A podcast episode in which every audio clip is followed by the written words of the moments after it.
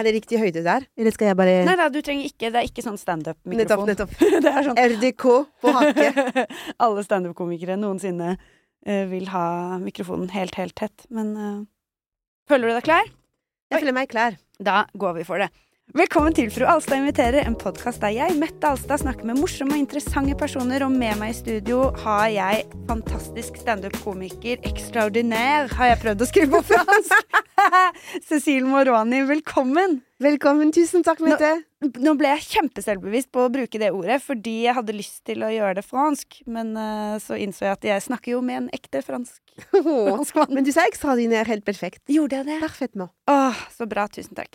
Jeg eh, er jo, drømmer jo egentlig om å kunne snakke fransk. Er det sant? Ja, jeg hadde fransk på skolen, så jeg har hatt det i seks år. Ja. Og så har jeg bare glemt alt som var bra med det, holdt jeg på å si. Det er et kjempevanskelig språk. Det er det. Det er vanskelig for franskmenn også. Ja, Men nå har jeg begynt med duolingo igjen, da. Så Ja, nå er jeg jo på Der lærer du rære setninger og navnet ja, ja. på dyr og Men det som er rart, er jo Jeg har jo en datter på snart ett og et halvt år, og hun lærer seg jo også å snakke.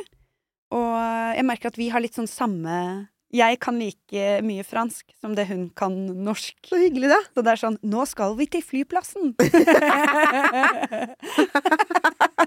Det er Veldig sånn. Bravo, Mette. Ja, så jeg skjønner at Duolingo de veit hva de driver med når de eh, lærer deg et språk. Absolutt. De lurer deg til at du er et barn. Eh, Men du kan både fransk og norsk, du, Cecil. Ja, heldigvis for i dag. holdt jeg på å si det. Det var et lang samtale ellers. Å, fy søren. Hallo. Det hadde ikke gått så bra. Det hadde vært mye tu habit ou. Est-ce que tu veux aller aéroport? Ah. Oui. Jeg hører.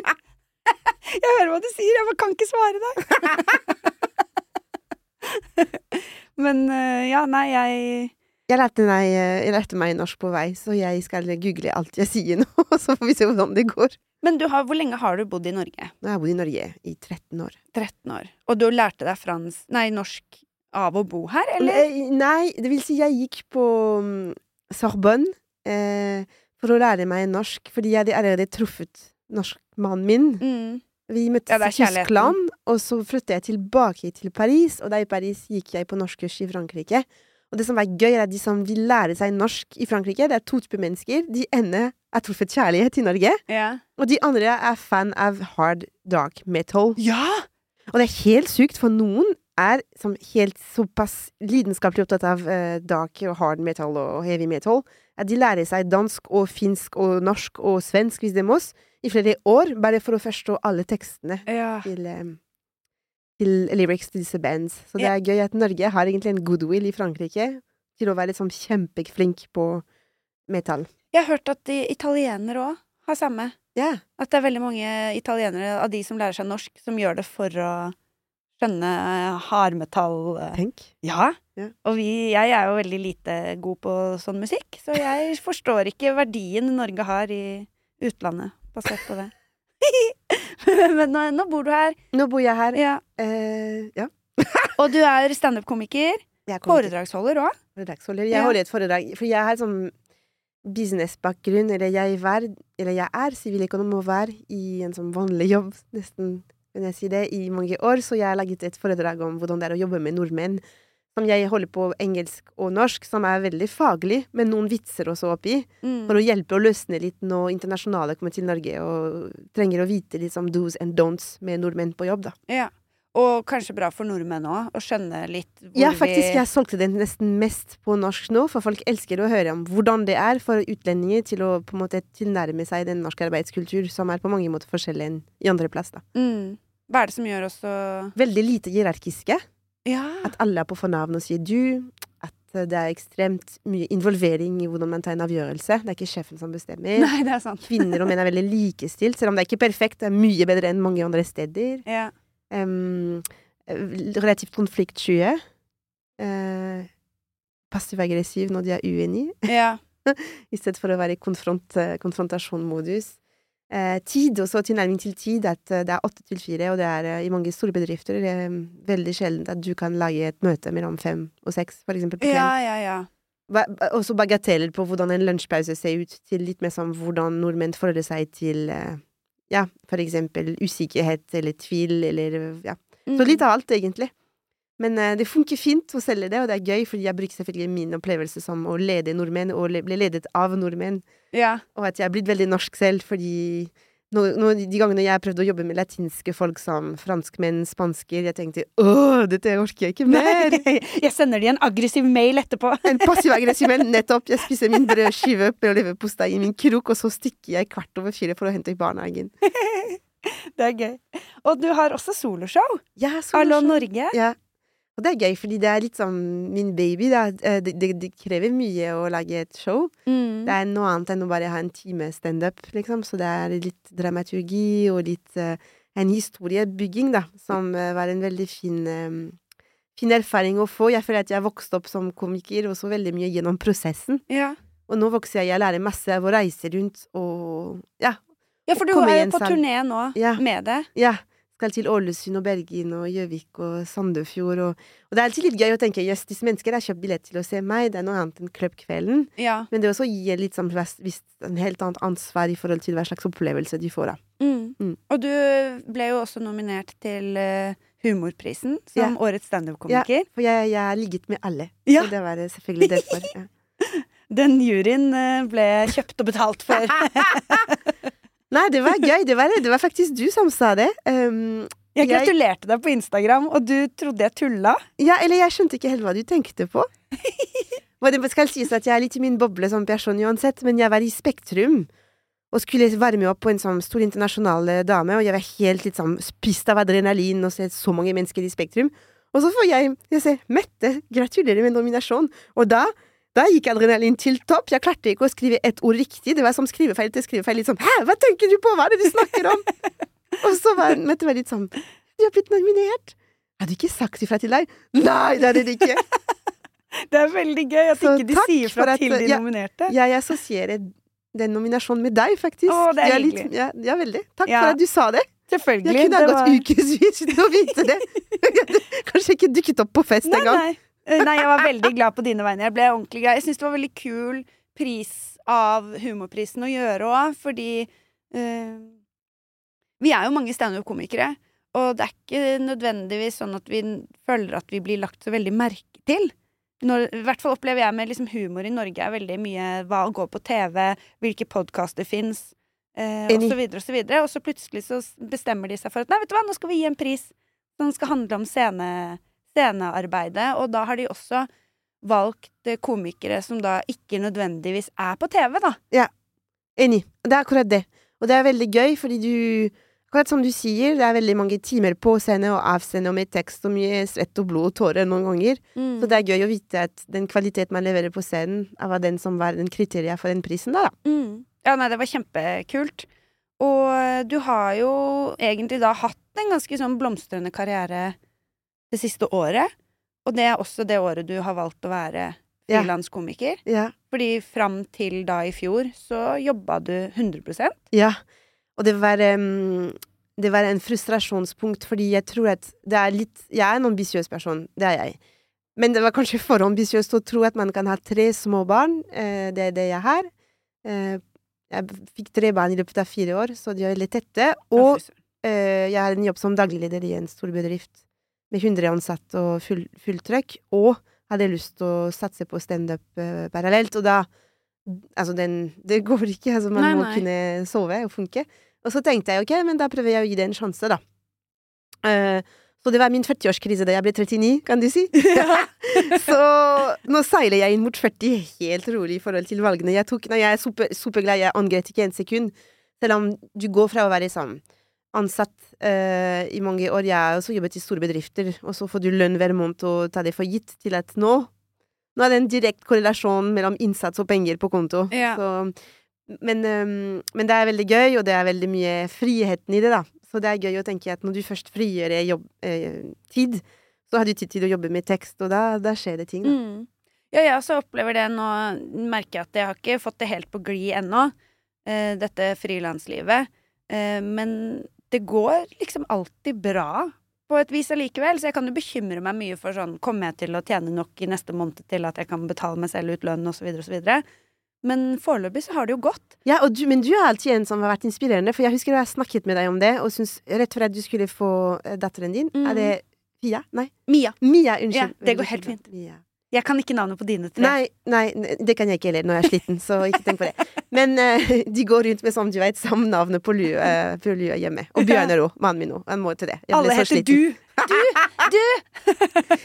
Men i alle fall, jeg husker at du var høygravid med Mia, og, og vi hadde den diskusjonen. og Jeg husker at du var veldig pragmatisk på å tenke okay, hvordan skal jeg finansiere mammaperm. du- Det, det er alltid en puslespill, jeg sier ikke at det er lett, men din måte å være veldig pragmatisk og rolig Jeg tenkte Mette, for det til jeg snakket med Marius også om det. Mm. Jeg ringte til og med Marius og sa Marius, ja, yeah. hva syns du? For han hadde hoppet fra også en sånn relativt vanlig jobb til komiker et år før meg. Mm. Og han var litt sånn dette går, kjør på. yeah. og, og se at andre uh, fornuftige og dyktige mennesker rundt meg klarer det, så var det en inspirasjon. Takk. Ja. Takk, men i like måte. Det er uh, tilbake til det. Fordi det er jo kjempeskummelt, og særlig når man er vant til å ha en jobb som har fast inntekt, da, og det å eh, prøve å plutselig man, Altså, man får et mye mer forhold til penger, ja. fordi du må faktisk få inn for å kunne betale ut. Ja. I motsetning til når du har en, en jobb hvor du får en viss lønn hver måned, så er det ganske sikkert. I hvert fall Ja, i Norge. jeg også et, Ja, jeg er helt enig. Og så føler jeg også et det er også den øhm, Den følelsen at du kan ha en sånn ganske litt sånn rolig dag på jobb når du er på kontor. Det, kan, det går an å være litt opp og litt ned. Mm. Mens i jobben vi gjør, alt teller, og selv om man skal ikke putte så veldig mye press på seg selv heller, og det er ikke der du blir best hvis du er veldig under stress, men det er en slags på en måte, prestasjonsangst som er litt forskjellige i forhold til Mm. at hvis du vil bli booket igjen, hvis du vil bli sett igjen, hvis du vil bli husket, Ja. så må du levere bra Ja. hver gang. Og det jeg, eh, men apropos det der å ha rolig dag på jobb og vite at den lønna er lik uansett, liksom. Det prøver jeg å si til meg selv de dagene jeg ikke klarer å produsere så mye. Ja. Eller sånn eh, I dag var en dag hvor jeg ikke egentlig eh, Jeg så ikke noe inntekt, da, Ja. på denne dagen. Og da prøver jeg å tenke sånn Men tenk så mye utgifter det er på et kontor.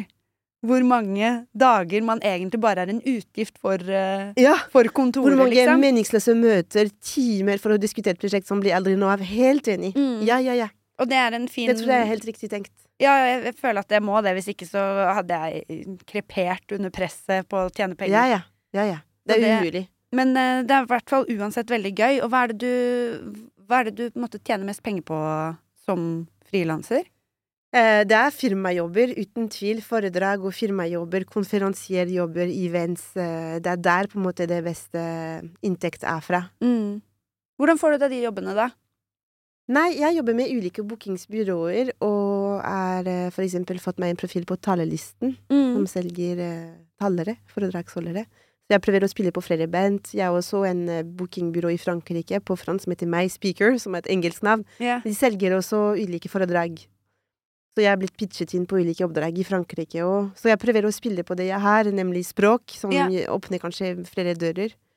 Eh, Og så er jeg, litt standup Norge, litt show people. Ja. ja, jeg har jo sett eh, også hvordan du jobber sånn Jeg føler at vi to jobber Vi kan ha like tanker, men vi jobber litt forskjellig.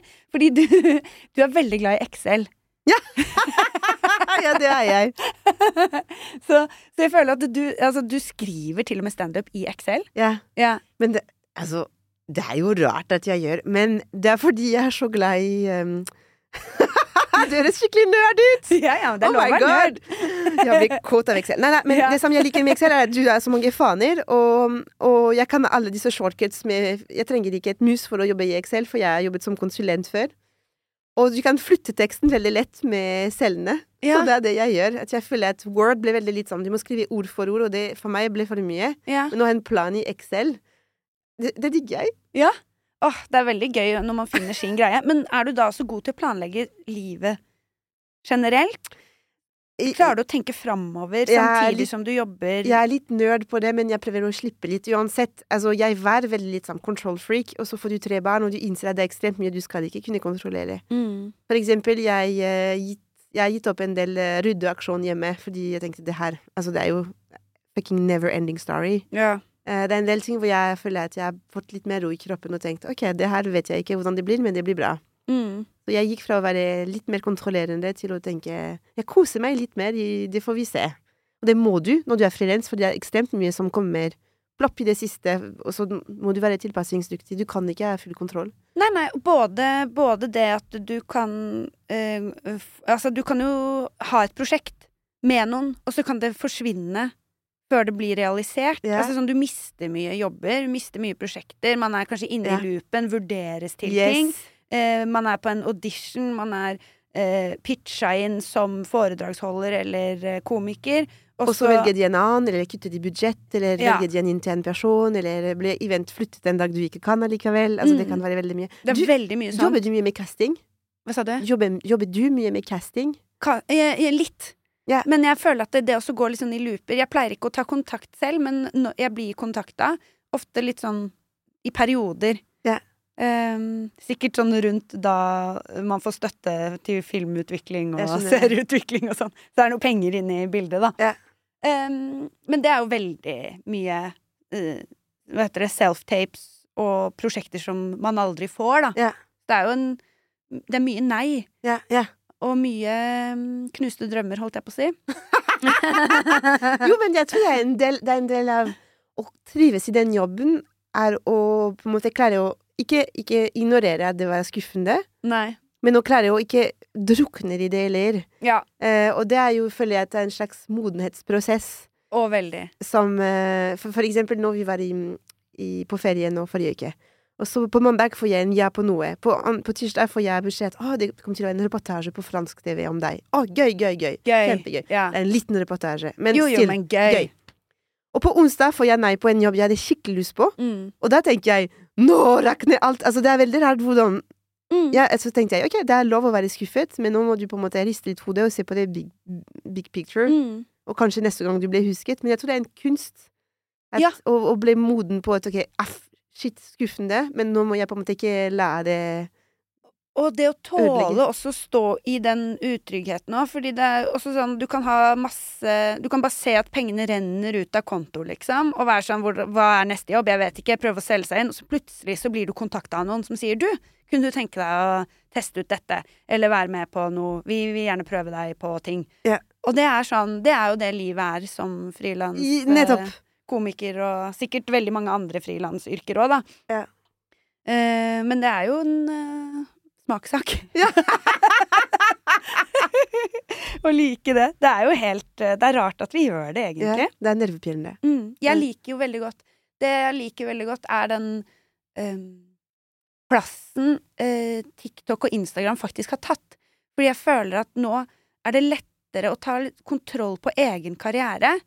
Men du er flink på det. Nei, er jeg er ikke flink på det, men takk. Eller jo, skryt du. Jo, jo. jo, men du er proaktiv i alle fall til å prøve å nyte den For jeg tror det er helt riktig. At du kan på en måte showcase veldig mye av det du kan. Men jeg skulle gjerne på en måte lage mer video. Ja. Jeg har tusen tanker. Og så begynner jeg å lage selvtape og tenker det er det kleineste Ja. jeg har sett. Og så tør jeg aldri å publisere det. Nei. Og jeg tror det er dumt. Det beste tipset mitt da, fordi jeg kjenner meg litt igjen, jeg tror det er litt generasjonen vår også, det Ja. der å vise, liksom dytte fjeset sitt foran bare for å gjøre det, liksom. Ja. Men det beste eh, tipset mitt er jo å starte med å filme standup, for eksempel, da. Og så yeah. legge ut standup. Yeah. Fordi eh, da legger du jo ut faktisk et eh, produkt. Yeah. Det er ikke nødvendigvis at du må stå i, i fjes, eh, med kamera i fjeset. Du kan bare si sånn Se, jeg har laget denne vitsen. Her er den. Eh, det er sånn jeg liker å starte. Eller sånn som eh, Jeg har jo en soppkonto òg. Der legger jeg jo ut informasjon som ikke nødvendigvis handler om meg, da. Ja. Men jeg bruker ferdighetene mine til å fortelle folk om hva som er bra sopp og dårlig sopp, og hvordan du kjenner igjen en sopp. Ja. Um, Ja, smart. Ok, jeg skjønner, Ja. skjønner poenget ditt. Okay. men det jeg merker, er at jo mer jeg tar eierskap til de kontoene, og klarer å skape eh, en plattform der folk kommer for å se på meg, og hva jeg har å formidle, jo lettere får jeg også jobber fra andre eh, kanaler. Sånn at istedenfor at jeg må stå og banke på døra hele tiden og si sånn 'Hallo, jeg lover at jeg er skikkelig gøyal å jobbe med, og jeg tror jeg, tror jeg kan være bra her', så eh, har jeg allerede en plattform som eh, de større plattformene egentlig ønsker seg en del av, da. Ja. Og nå sier ikke jeg at min komikerkarriere er der i det hele tatt, fordi det er den ikke med mine 2000 følgere. Jeg er 1300. ja, ja, ikke sant? Det er, det er ikke nok. Det er ikke det, er ikke det de store kanalene vil ha. Nettopp. Men, eh, men hvis du kommer deg opp i 5000, da, så plutselig så er det jo 5000 som er interessert i deg. også interessant for dem. Sånn at eh, da er det ikke bare at du må være flink i det du gjør. Du kommer faktisk med Men for å bygge en sånn plattform, så tror jeg virkelig at uh... Du må synes det er gøy, ja. Ja. Jeg, jeg tror at det må komme fra et ekte sted, ja. Ja. Uh, som er grunnen til at eh, soppkontoen min vokser mye raskere enn komikerkontoen min. Fordi jeg syns det er mye lettere å dele innhold uh, som handler om uh, informasjon og kunnskap, enn innhold som bare handler om meg, på en måte. Jeg syns det er vanskelig selv, jeg. Det er veldig sant. Men det er en god, er en god refleksjon, tenker jeg. Jeg tror at, og det, det tror jeg også gjelder scenen, og det gjelder foredrag, for så vidt. Hvis du gjør det kun for å gjøre ting fordi du tror det kommer til å funke og hjelpe deg dit, så er det litt sånn sjelløs. Men Mm. hvis du gjør ting med kjærlighet og syns det er genuint gøy, Mm. da er det mye lettere å så få folk til å følge det til deg, da. Ja, og, og det er jo det som er så fantastisk med de kanalene nå, fordi da har du plutselig et sted hvor du kan legge ut det du syns er gøy, og det du lager med kjærlighet, uten at du må via masse ledd for å få lov til å lage det. Ja. Eh, og det tror jeg er eh, kjempebra for veldig mange kreative. Ja. Og så tenkte jeg også på når vi snakket om det i stad, det der med alle de neiene. At uh, dette kan hende at jeg bare sier fordi vi, vi er relativt uh, voksne damer som driver og bygger karriere. men, men jeg tror også det er noe sunt i det at ikke uh, karrieren går for fort.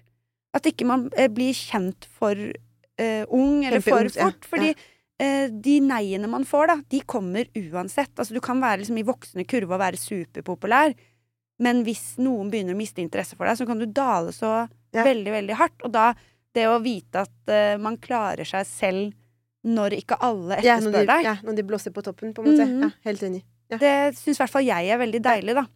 At jeg klarer å bygge en eller annen karriere som eh, fungerer uten at jeg har det aller største publikummet. Ja, enig. Jeg er helt enig. Mm. Jeg tror det gjør også at du blir litt mer sammen. Du, du tåler litt motstand bedre, uansett. Ja. Mm. Har, du, har du mål og drømmer for, uh, for karrieren Jeg så spørsmålet, og da tenkte jeg oi, oi, oi, ja, ja, ja. Drømmen min er Og så begynte jeg å lage en liste! Er det sant? I Excel, eller? Og det begynte jeg å lage til Excel. ja. Nei, men jeg blir 40 om, eh, om noen uker. Mm. Da tenkte jeg nå er jeg en bucketlist, liksom. ja. Som er veldig realistisk. Som for eksempel å få et eget show på Netflix. Å ja, det er såpass, ja! Å, men jeg elsker det! Så deilig at du sier det høyt! men jeg må skyte høyt. Ja. Nei, men altså Jo, selvfølgelig, jeg elsker å fortsette. Den turneen med Allo Norge er kjempegøy, Mm. og jeg får veldig god erfaring av det, og masse gøyal publikumsrespons, og den ønsker jeg å ha et langt liv. ja, du burde filme det. Det er Du har filmet det, ja! Mm. Ja, bra. It's in the pipeline. Ja, Nydelig. Uh, jeg vil lage en podkast som er like kul som din. Nei, Står men det det? Vi snakket om det i stad, jeg vet at du vet. Men jeg vil gjerne lage mitt podkast og på en måte få det ut, for jeg tror det er en veldig sånn fin erfaring å få også. Ja. Uh, og så tror jeg at egentlig selvfølgelig mål er jo alltid være morsommere og jobbe hardere og være det beste å av seg selv, men det er et kjedelig svar. Mm. Det jeg vil! jeg vil gjerne gå til The Fringe i sommer. ja. Det hadde vært veldig gøy. Ja. Og så drømmen er jo å klare å leve mange år nå fremover og jonglere mellom Norge, Frankrike og kanskje engelsk også uh, på scenen, da. Og, Mm. For det er det jeg liker best. Altså, det er det jeg trives best. Det er det jeg gleder meg mest til, liksom. ja. Så selvfølgelig, jeg tror alle drømmer om et stort navn og veldig mye suksess, men det er vanskelig å vite hva er suksess da. Mm. Jeg ønsker meg at jeg klarer å navigere med min egen kompass på at det som er gøy, er det som jeg har lyst til å gjøre. Ja. At ikke jeg glir mot at jeg, ting jeg føler at jeg må gjøre for å skape synlighet, liksom. Mm. Ja, det kjenner jeg meg veldig igjen i, og det er jo eh, tror jeg sikkert drømmen til mange av oss som står på scenen, er jo det å litt få lov til det, rett og slett. selv. Ja. Fordi hvis, hvis man skal stå på scenen, så må man jo Altså, det du tjener penger på, er jo at folk kjøper billetter. Ja. Eh, og jo mer folk kjøper billetter for å komme og se deg, jo mer kan du gjøre det, da. Ja. Og det er jo drømmen, det. Ja. Jeg elsker å stå på scenen. ja. Men du passer det altså, veldig godt til det. Takk det samme. Herregud, sånn skryte... Ja, men, jo, men jeg mener det. Jeg mener det. Uh, absolutt. Jo, jo. Og så syns jeg at vi må damer heie på hverandre. Men jo, ne, eh, drømmen er Netflix. Det må vi Mm. skyte på. Jeg tror ikke Så Tenker du da en sånn special? En standup special? Tenk. Ja. ja, ja, ja. Men du snakker jo på Altså, du gjør jo vitser på på, fransk er det ikke helt umulig å, å vurdere, da. Jeg tror ikke det er umulig på fransk. Og det er På norsk, tror du? eh, det er vanskeligere, Ja. tror jeg, å få Netflix med på det. Ja. Jeg tror bare vi er for få som snakker norsk. Ja. Og de andre som snakker norsk rundt om i verden, har lyst til å høre på hardmetall, så jeg vet ikke om de Men jeg skal forresten ha mitt soloshow Allo Norge i Paris i april. Ja, skal du det på norsk? Ja, Å, så på! Nordmenn i Paris. Ja. Så det er gøy. Ja, ja, ja. Det er nu- Hvor, når i april? Er du i Paris i april? Ja! Nei, er det Jo, sant? sendte jeg ikke det spørsmålet? Jeg skal til eh, Paris i april. Jeg skal Ja, det stemmer. Du gjorde det gøy. selvfølgelig. Det tenkte jeg ikke på. rett inn i Eh, rundt 19.20. Det er da jeg skal til! Fleiper du?! 18. til 21. Mette! Du Da må komme vi- til showet. Selvfølgelig! Vil du være med opp? Tør jeg Ja, ja, på norsk? Ja. Ja! Vil du åpne? Ja!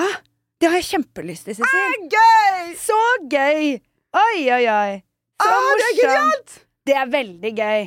Eh, ok, men jeg, jeg jeg skal ha et møte med de på fredag. De kompisene mine, produksjonsselskap i Frankrike. Ja.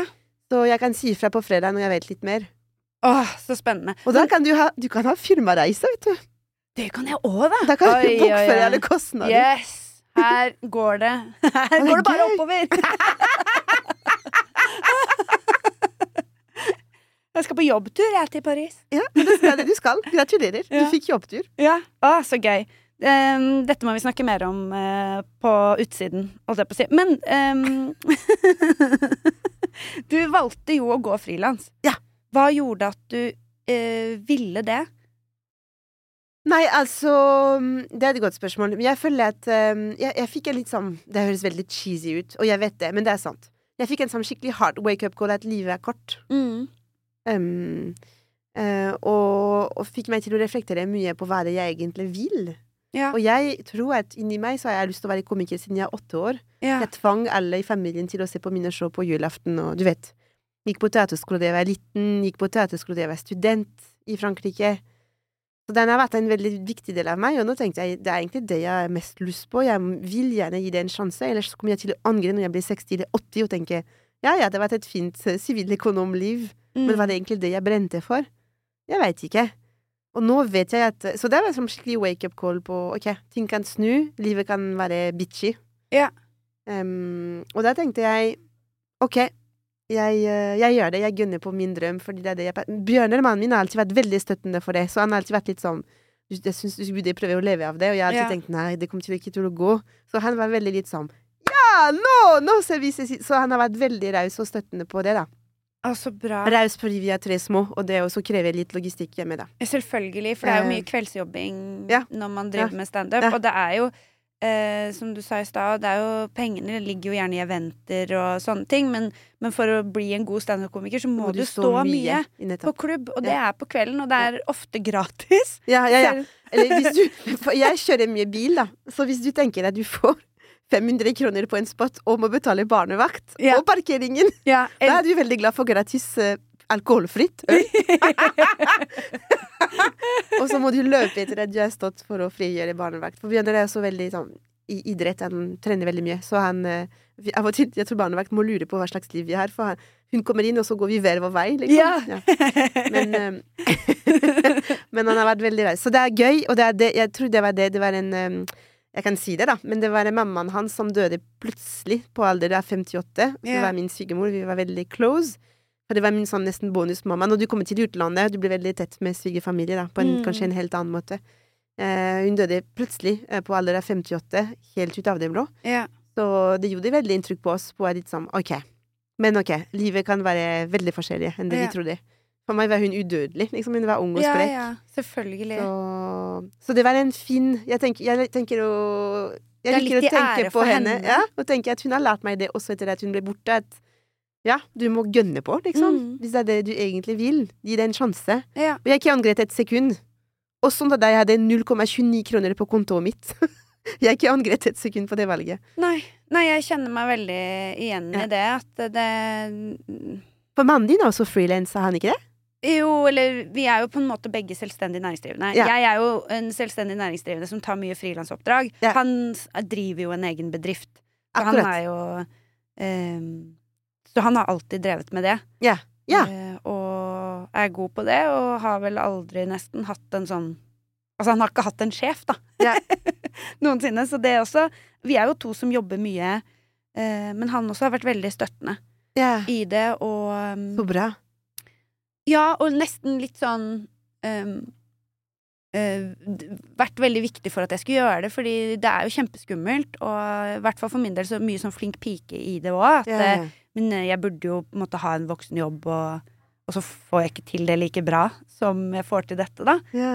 Um, men da Men du passer det. Altså, jeg vil ikke at du forsvinner fra det miljøet. Vi trenger folk som deg. Vi gjør det. Vi trenger, det er så mange bra damer som er sykt dyktige og gøy. Ja, enig. Altså, vi trenger det. Takk. Jeg tror verden er bedre at vi er komikere enn hvis vi hadde vært eh, ansatt på en sånn kjip offentlig kontor. Tror ikke du? Jo, jeg er helt enig. Men jo. Fordi jeg føler jo at um, det er viktig, det vi snakker om, og vi tøyser masse. Og det å bare gi Ja, men det er mye alvor i det du snakker om òg. Det er det oh, som er gøy. ja. Absolutt. Jeg Ja. synes det det morsomste jeg vet, er jo å ta noe alvorlig, og så klare å lage Bra vitser om det. Ja, Litt og det elsker jeg. litt mørk. Men du, du, det som er gøy, er at når du kommer på scenen, folk tenker Å, og så tenker jeg What?! det er kjempegøy! Ja, ja det er det, Den kan eh, røske litt tak, de Ja. vitsene. det syns jeg er veldig gøy. Ja, jeg syns det er kjempemorsomt selv. Og så liker jeg veldig godt å kunne gjøre begge deler. At det er sånn um, Jeg føler at Eller jeg føler at jeg må lage det rommet, da, for at jeg skal kunne si At det skal være lov å si litt harde ting. eh, og samtidig være søt og varm og inkluderende. Jeg skjønner, at, eh, ja, jeg liker det veldig, veldig godt. Hvordan går det med nye rådet? Det, det går bra, men eh, det selger altfor dårlig.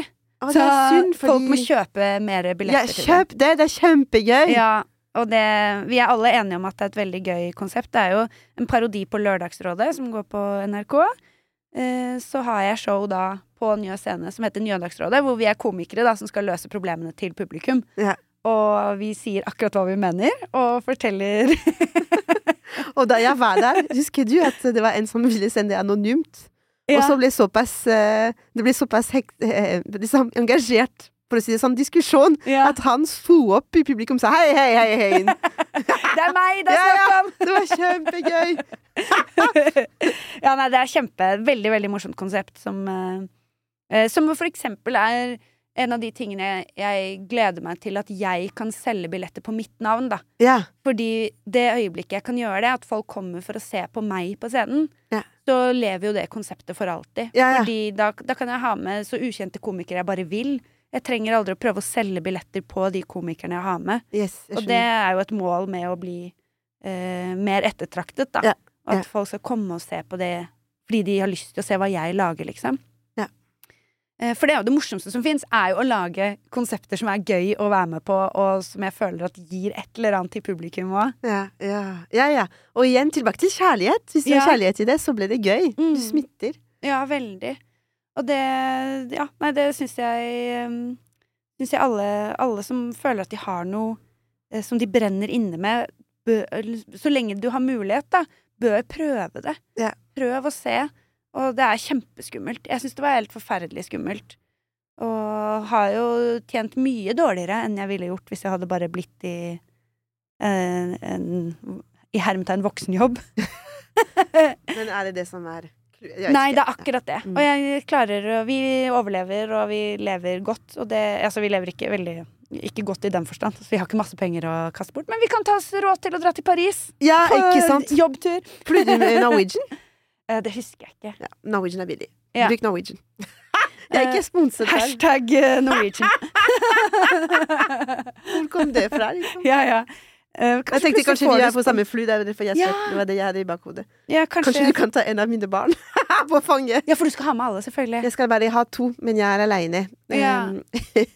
så hun, hun eldste er på skolen, så hun kan ikke forsvinne fra barnehagen når som helst lenger. Nei, Mm. Det er Ja, sånne ting man må tenke på. Hvordan er det å ha tre barn eh, og travel hverdag Du, og faktisk, jeg pleier å kødde litt på det, litt sånn «Å, det er helvete og alt. Nå, nå skal jeg ta av eh, den uh, scenekomikerhatt. Jeg har alltid ønsket å ha flere barn, så Mm. for meg er det ekstremt stor glede, og det er mye kjærlighet, og det er mye, mye glede.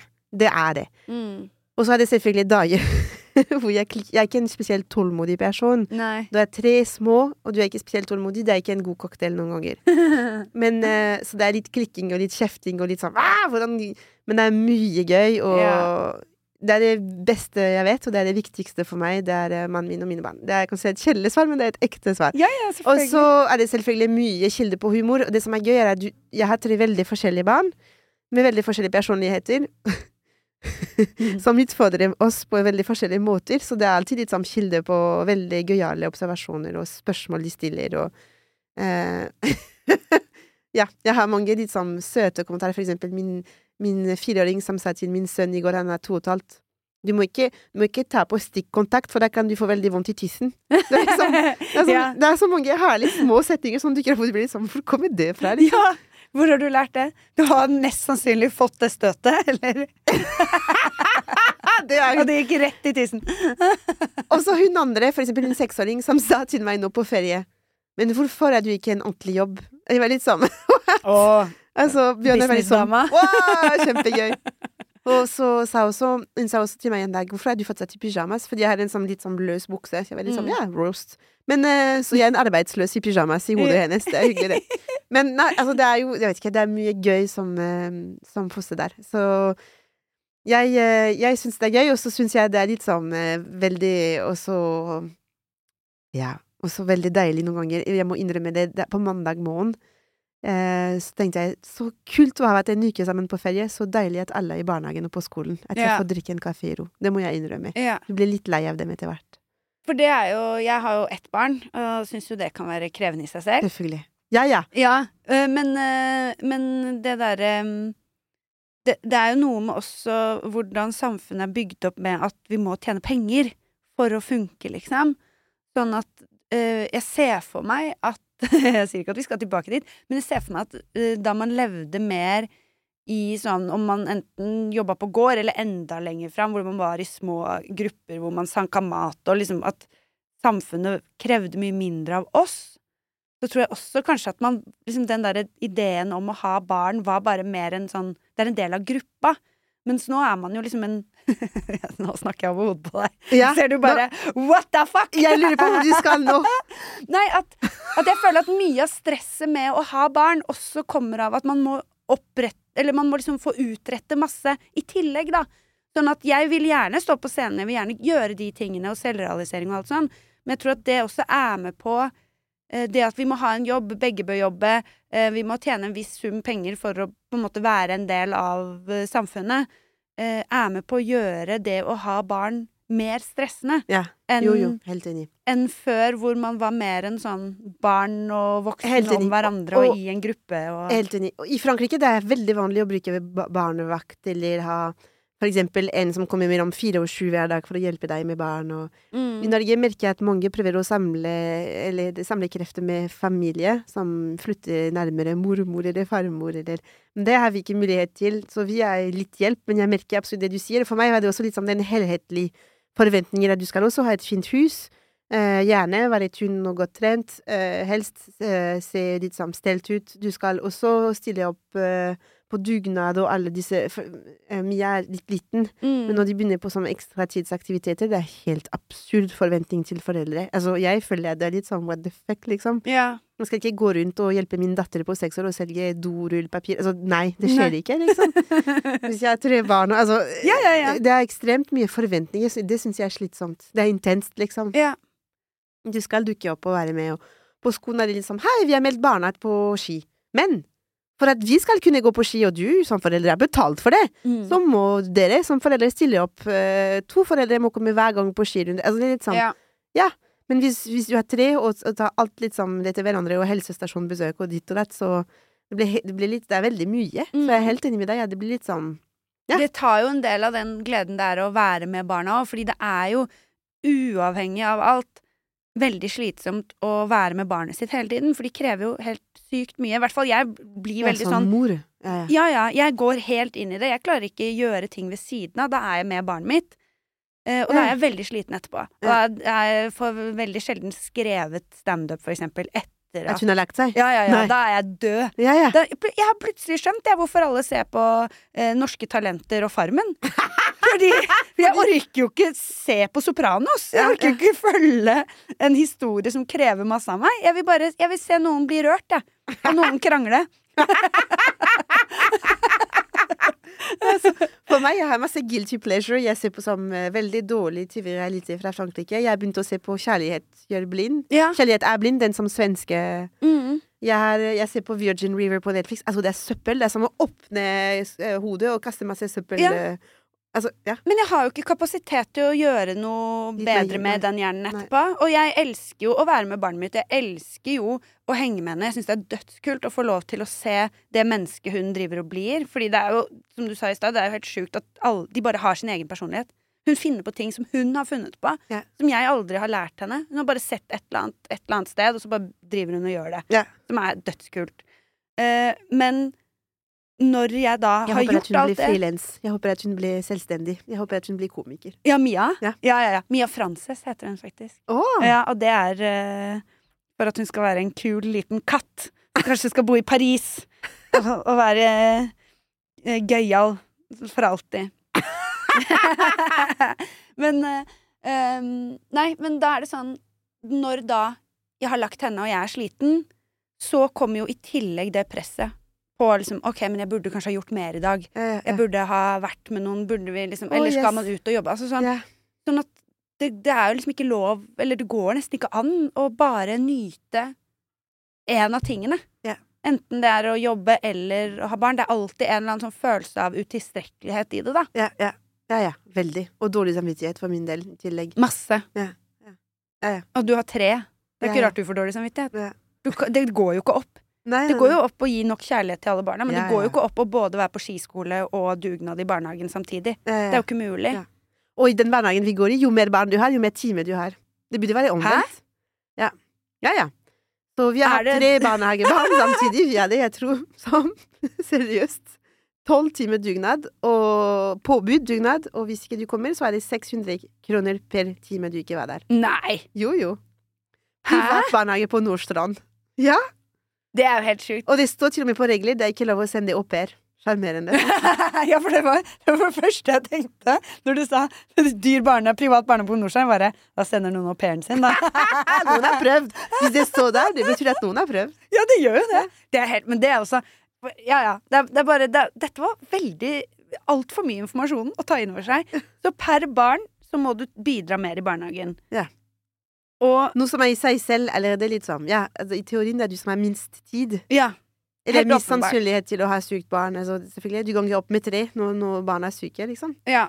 Um, Men så i tillegg, da må vi stille opp på dugnad. Ja, ja, ja. Og så Og rakkeløv og Men i tillegg så er det noen som har tenkt yes, jeg sender au pairen min Ja, og de selger pølse. Du får ikke en pølse. Du, du må vippse for pølser. Ja. på dugnad! Ja! Åh. Nå Velkommen merker til Nordstrand. eh, Mm. Ja. Denne illusjonen. Jeg skjønner, eh, skjønner at du har lyst til å snakke mer om dette. I både alt av liksom, Ja, det er inspirasjonskilde. Ja, ja, ja. Virkelig. Mm. det er jo så gøy. Um, men d- hvor vil jeg videre nå, da? Har vi Hva syns du? Hva har du lyst til å snakke om? Jeg har lyst til å snakke om det. er min podkast. Jeg kan bestemme. Um, men når du, når du lager sånn som soloshowet ditt, da, Hallo Norge, uh, så tøyser du sikkert mye med det å være fransk i Ja, Norge, eller? Eller er- jeg fikk en flink regissør, eh, nemlig Terje Sporsem, som var veldig god til å utfordre meg og tenke uh, Selvfølgelig kan du lage en best-of av dine favorittekster og vitser, men Mm.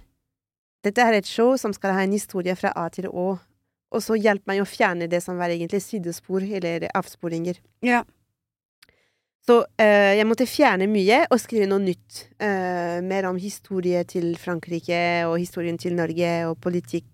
Og så måtte vi fjerne en god del om barn, for jeg har skrevet mye etter tre barn. Selvfølgelig hadde jeg mye sånn inspirasjon rundt det, så noen, noen, mye måtte bli vekk. Mm. Eh, og, så, og så måtte vi utvikle noen deler. Og så han hjalp meg også, det som var også veldig bra for meg, å gå i det sårbare. Mm. Og jeg har en tendens til å være litt sånn nesten piske litt. Det var min stil i begynnelsen. Snakke veldig fort og piske litt nordmenn om det og det. Yeah. Så litt sammen, vi pause, snakke roligere og tenke. Hvorfor er den historien viktig, og hvorfor er den veldig universelt? Yeah. Hvordan kan folk kjenne seg igjen i å være helt off i en kultur de ikke visste om før? Mm. Og hvor sårbar det er å være ensom og føle seg en sånn rar versjon av seg selv. Mm. Eh, så det var en fin øvelse for meg å, å bli på en måte ikke tvunget, men invitert til å skrive ting som eh, Ja, koster mer, kanskje, å Ja. stå i. Enn å på en måte hele tida prøve å søke en vits for å løsne litt stemningen. Ja, ja, selvfølgelig, for det er jo Ja. Det er jo det vi komikere elsker, ikke sant? Det Ja, ja, liksom, Slapp av, det går bra, vi kan le om dette. Men, eh, ja, og så plutselig så skal du stå og bare være litt alvorlig oppi ja, alt. og stå da- i det. For meg var det en fin, en fin øvelse, da. Fordi det er jo selvfølgelig veldig tøft å dra fra hjemlandet for kjærligheten òg. Ja, altså, ja, altså, det er jo sykt når jeg tenkte på det, men jeg var stormforelsket og tenkte jeg gir alt opp, men det var egentlig litt, litt eh, ko-ko, liksom. Mm. Jeg hadde jobb i Frankrike. Jeg ga alt opp og kom til Norge og fikk eh, på samme dag ny hus, ny jobb, nytt språk, nytt land, ny by, ny, alt var nytt, liksom. Ja. Det var en, det var en, eh, det var en stranger, liksom.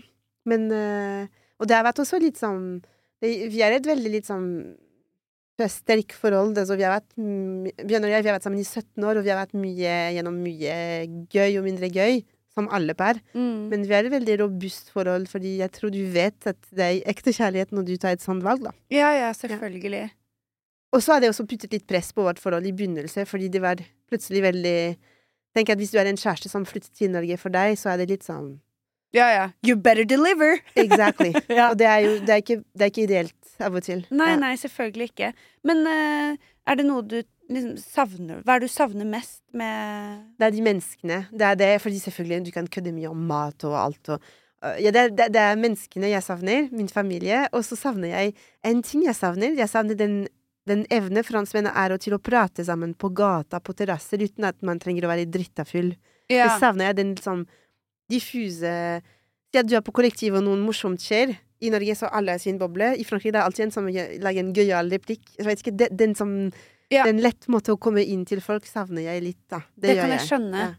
Ja. Fordi der er jo nordmenn Ja, for kjent eksempel, for å være veldig, veldig, Veldig For eksempel, du går inn i treningsstudio. Jeg meldte meg på Sats, og så var det Og så var det Det var en kurs hvor alle sto helt stille foran speilet. Ingen snakker med hverandre. mm. Venter for instruktør. Helt stille. Så kommer ikke instruktør. Og så alle er litt sånn, sånn og venter på instruktør for å se seg selv i speilet. Og det hadde aldri skjedd i Frankrike. Folk hadde begynt Det er en som hadde sikkert for kødd sagt Vet dere hva? Ja, ta den kursen, jeg! Ja, ikke sant? Så følg meg. Og så den andre hadde sagt det er noen som har spurt hvor er instruktør, og folk hadde begynt å snakke. Jeg har sett deg før, og Mens i Norge var det litt sånn veldig stiv, og så var det en som sa «Vi må sjekke resepsjonen om instruktør kommer, og instruktør var på vei, da. Men det er som små øyeblikk hvor jeg tenker yeah. åh, det er så mye, det er så mye kilde til gøyale øyeblikk som blir borte, fordi nordmenn er så ekstremt forsiktige, i hvert fall i Oslo, i sin boble, da. Mm. Det savner jeg litt. Det kan jeg skjønne veldig godt. Jeg godt. savner en servitør på restaurant som slenger en vits, eller en eh, som jobber på kafé, som, som du ser hver dag på kaffebrenneriet, som sier 'Hei, Mette!' Ja. Jeg opplevde det i dag! Ikke jeg, men jeg var på Kaffebrenneriet. Og så var det en kunde som sto der, og så spurte hun i bak disken eh, eh, Vil du ha den med, eller, eller skal du ta den her? Og så var han sånn Ta den her. Eh, jeg skal ha en dobbel americano. For han eh, på en måte registrerte ikke at hun så åpenbart visste hva han ville ha. For hun spurte jo før han hadde bestilt. Så hyggelig! Ja, og hun var sånn Ja, det var det jeg visste. Og så var han sånn Ja. Men jeg, jeg tenkte liksom åh, At du ikke tok det øyeblikket der. For hun var liksom bare helt sånn Selvfølgelig vet jeg hva du skal ha. Å, hun er fin! Mm. Ja, det ble veldig Ja, nei, men Ja. det er jo Men samtidig, det er rart, fordi jeg, når jeg er i Frankrike, jeg savner Norge litt òg. Jeg syns det er uh, en del ting som er blitt så bra, som jeg er blitt så vant, og så jeg glemt at det er så bra her. Og så når jeg kommer til Paris, jeg tenker ja. Ja, akkurat, akkurat der savner jeg ikke Paris. For eksempel, det er mye gatetrakassering i Frankrike. Med en gang Fortsatt, ja. ja, ja. Ja. Som dame, hvis du går hjem alene på kvelden, så er det ofte en som kommer til å si noe, eller, er, eller en som spør eh, telefonnummeret ditt, eller hvor skal du, er du kjæreste? Altså, det er jo kjempeslitsomt, liksom. Mm. Det skjer aldri i Norge. Eller Nei, da er de fulle igjen, da. Ja, men det er ikke, det, du, føler ikke utrygg. Nei, nei, det gjør, å, for du føler deg utrygg. Ja, det er litt. ikke bare slitsomt, liksom. Det, Ja, ja, ja. ja. Ja, ja, du må For eksempel, da jeg var tenåring, så fikk jeg alltid tips av andre å aldri være den eneste kvinne i et metrovogn alene. Ikke sant? Det er Og aldri sette seg inn alene i en sånn firesete innerst, for da kan tre gutter sette seg rundt deg, og da er du screwed, liksom. Du må alltid, alltid sitte deg ytterst. Og de vennene der, de bor inni meg fortsatt, for i Oslo så setter jeg meg alltid ytterst, så tenkte jeg jeg er på trikken mot Gabriel, jeg, må slappe av. Ja. er ikke så Ja, ja, farlig ja. her.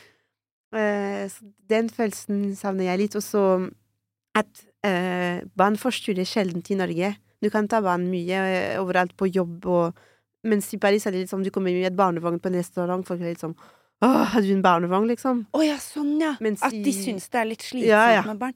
For det er jo Det er et samfunn som du, Men det er også den, den motsiden er at i Norge, så plutselig hvis du får barn, så er det liksom Alt handler om det barna. Det er litt sånn du får ny sjef hjemme. Folk sier det. ja. Det hadde aldri skjedd i Frankrike. Folk hadde aldri formulert seg 'Nå skal du få et ny sjef hjemme'. Nei. I et fransk hode er det fortsatt voksen som er i sentrum. Det er ikke barn som er i sentrum. Ja, Det er lærer som er i sentrum, det er ikke elever.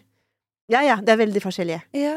Folk går fortsatt mye ut når de får barn. I Norge så kan folk forsvinne fra sosiallivet fordi de Ja, har fått ett barn.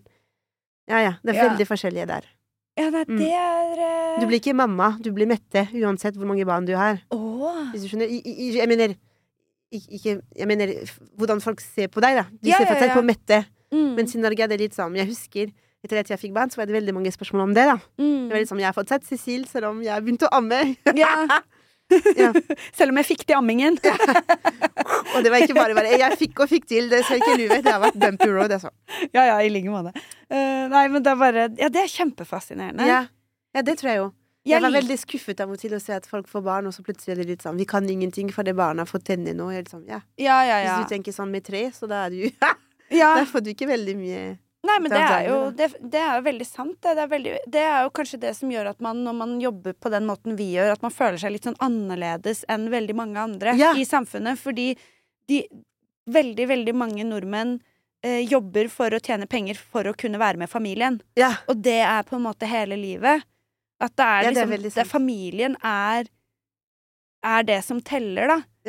Eh, og da er det å sitte hjemme og se på TV og legge de og Jeg vet ikke hva man gjør, jeg. Men Det vet jeg ikke heller! Vet jo ikke. Spise matpakke foran TV. Nei, men det er sant. det. Men eh, det er sant. Det er, jeg tror det er veldig sant, og så og så det gjør at um, men, men det, det er bra, det. Det er ingen, det er ingen dømming i dette, fordi eh, Fordi for eksempel, jeg vokste opp med en helgepappa. Han, så han var på jobb hele tida. Jeg, jeg husker bare Jeg skulle spise middag i hverdagen med ham. Og det gjør ikke at jeg har et dårlig forhold med ham nå. Eh, Jeg har vokst opp med masse ulike barnevakt og alt, og jeg tror at jeg alltid visste hvem var min min mamma, liksom. det har gått veldig bra med oss Hun to. som ligner mest på meg. Jeg har aldri tatt feil, liksom. Så, så det, er ikke, det er ikke det som er bra eller ikke bra. Jeg bare observerer at strukturen på hvordan livet er når, etter at du har fått barn, er veldig forskjellig med mine franske venner, som har fått sett Og jeg er franske venner i Oslo som har fått sett mye ute og mye aktive i det sosiale livet. Mm. Mens norske venner som har en tendens til å være ekstremt mer hjemme. Da. Ja. Ja, Og da handler det om å møtes med barn i en helgedag, i en park, på en playdate. Ja. Men det er sjelden at de får til en middag midt på uken når de er to små. Ja, ja, Mens det er helt vanlig å invitere franske venner på en onsdag kveld til en middag uten barn klokken åtte.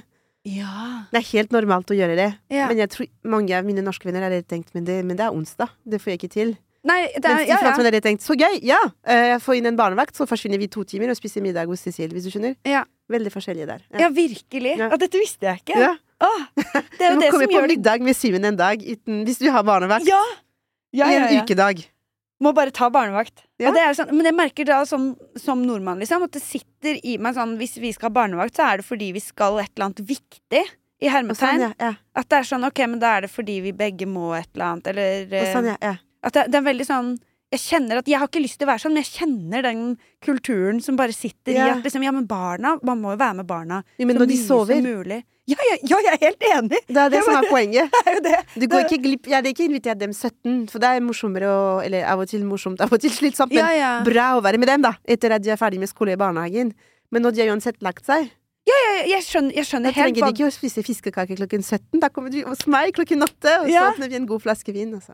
Ja, nei, Det er bare så rart hvordan det sitter i, for jeg syns det høres mye morsommere ut Ja. Den, ditt forslag her. Ja, sånn, ja. Men at det, det sitter allikevel i ryggmargen min at det er sånn Ja, men gjør man det?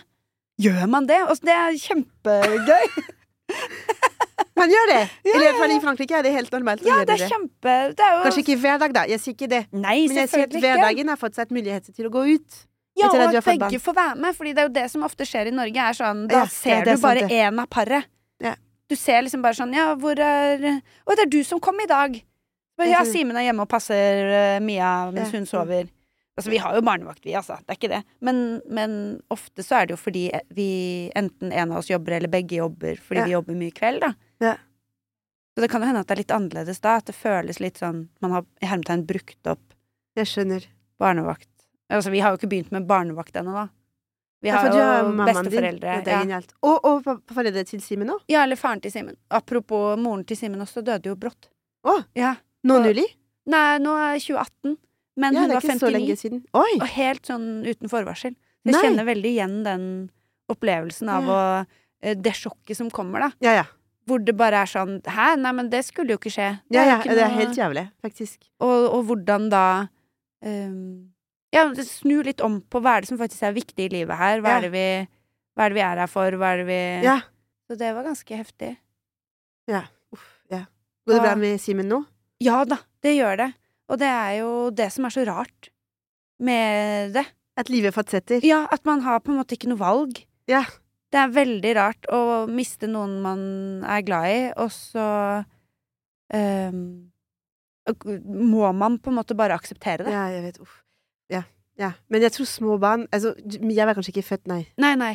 Ja. For oss var det sånn, eller for Bjørnar, jeg tror jeg små barn redde litt, fordi de er her og nå. Ja. Hvor eh, Når er det lenge siden? Eh, nei, det er mindre enn tre år siden, så min, min yngste sønn var fire uker da dette skjedde. Oi. Ja, så det var ikke Vi hadde ett på tre og et halvt, ett på ett og et halvt og en på fire uker da Ja. det skjedde. Så det var, eh, uh, det var eh, turbulent tid for uh, begge to. Ja, det skjønner jeg veldig godt. Og både veldig sjokkerende og vondt. Men uh, den sjokk er veldig, er veldig, var veldig ubehagelig, da. Mm. Men det var, um, ja, det var vanskelig, og så var det midt i covid i tillegg, så det å begrave en og lure på hvor mange kan komme altså, Å, fy søren, ja, det er helt forferdelig. Og så skulle vi gjerne ha hjelp av mine foreldre, som er mange bor bordet friske enn så lenge. Ja. Men de fikk ikke komme inn i Norge, for Norge var stengt. Ja, så Så det er hel- mye traume rundt det, rett og Ja, det var, det var veldig mye Ja, det var eh, Jeg tror jeg brukte en helt, du vet, eske av uh, tissues på helsestasjonen. Ja. Og de sa 'vil du prate med en?' Jeg var litt sånn 'om jeg vil prate med en'! ja. Nå skal dere høre! Ja. så, her er sekken min, nå skal jeg ta med alt på bordet her og fortelle dere Nå er det for mye, liksom. ja, det skjønner jeg. Eh, Også men, eh, med tre barn og den Ja, minste en som ikke vil spise, og ja. Eh, men, og det er rart, for jeg ammet begge jenter, men eh, det var sirkus for å amme nummer tre. Altså sirkus, sirkus. Ja, for Det du var i sorg, rett og Jeg slett. tror det òg. Ja. Men nå, nå har han det bra. Han er en nesten treåring som flyr rundt og spiser masse. Så Ja. ja, nei, det er heftig. Alt går. Du går gjennom faser i livet hvor du tenkte det kan det gå verre enn det, og så går det oppover etter hvert, da. Ja. Mm. ja, og det er jo bare Jeg vet ikke, det er så man, man håndterer jo sånne ting selvfølgelig helt forskjellig. Ja. Men, men bare den derre Uansett hvordan du håndterer det, så må du på en måte bare Du har ikke noe valg, da. Yeah. Du må la Altså, du kan ikke styre det. Ja. Rett og slett. Sånn, du må, du må bare håndtere. Ja. Og så kan du håndtere dårlig, og du kan håndtere bra, og det kan starte dårlig og bli bra, og bli, starte bra og bli omvendt, dårlig, ja. og liksom alt mulig. Men Du må gjennom. Ja. ja. Life is a bitch. Men eh, rett og slett Life is a bitch.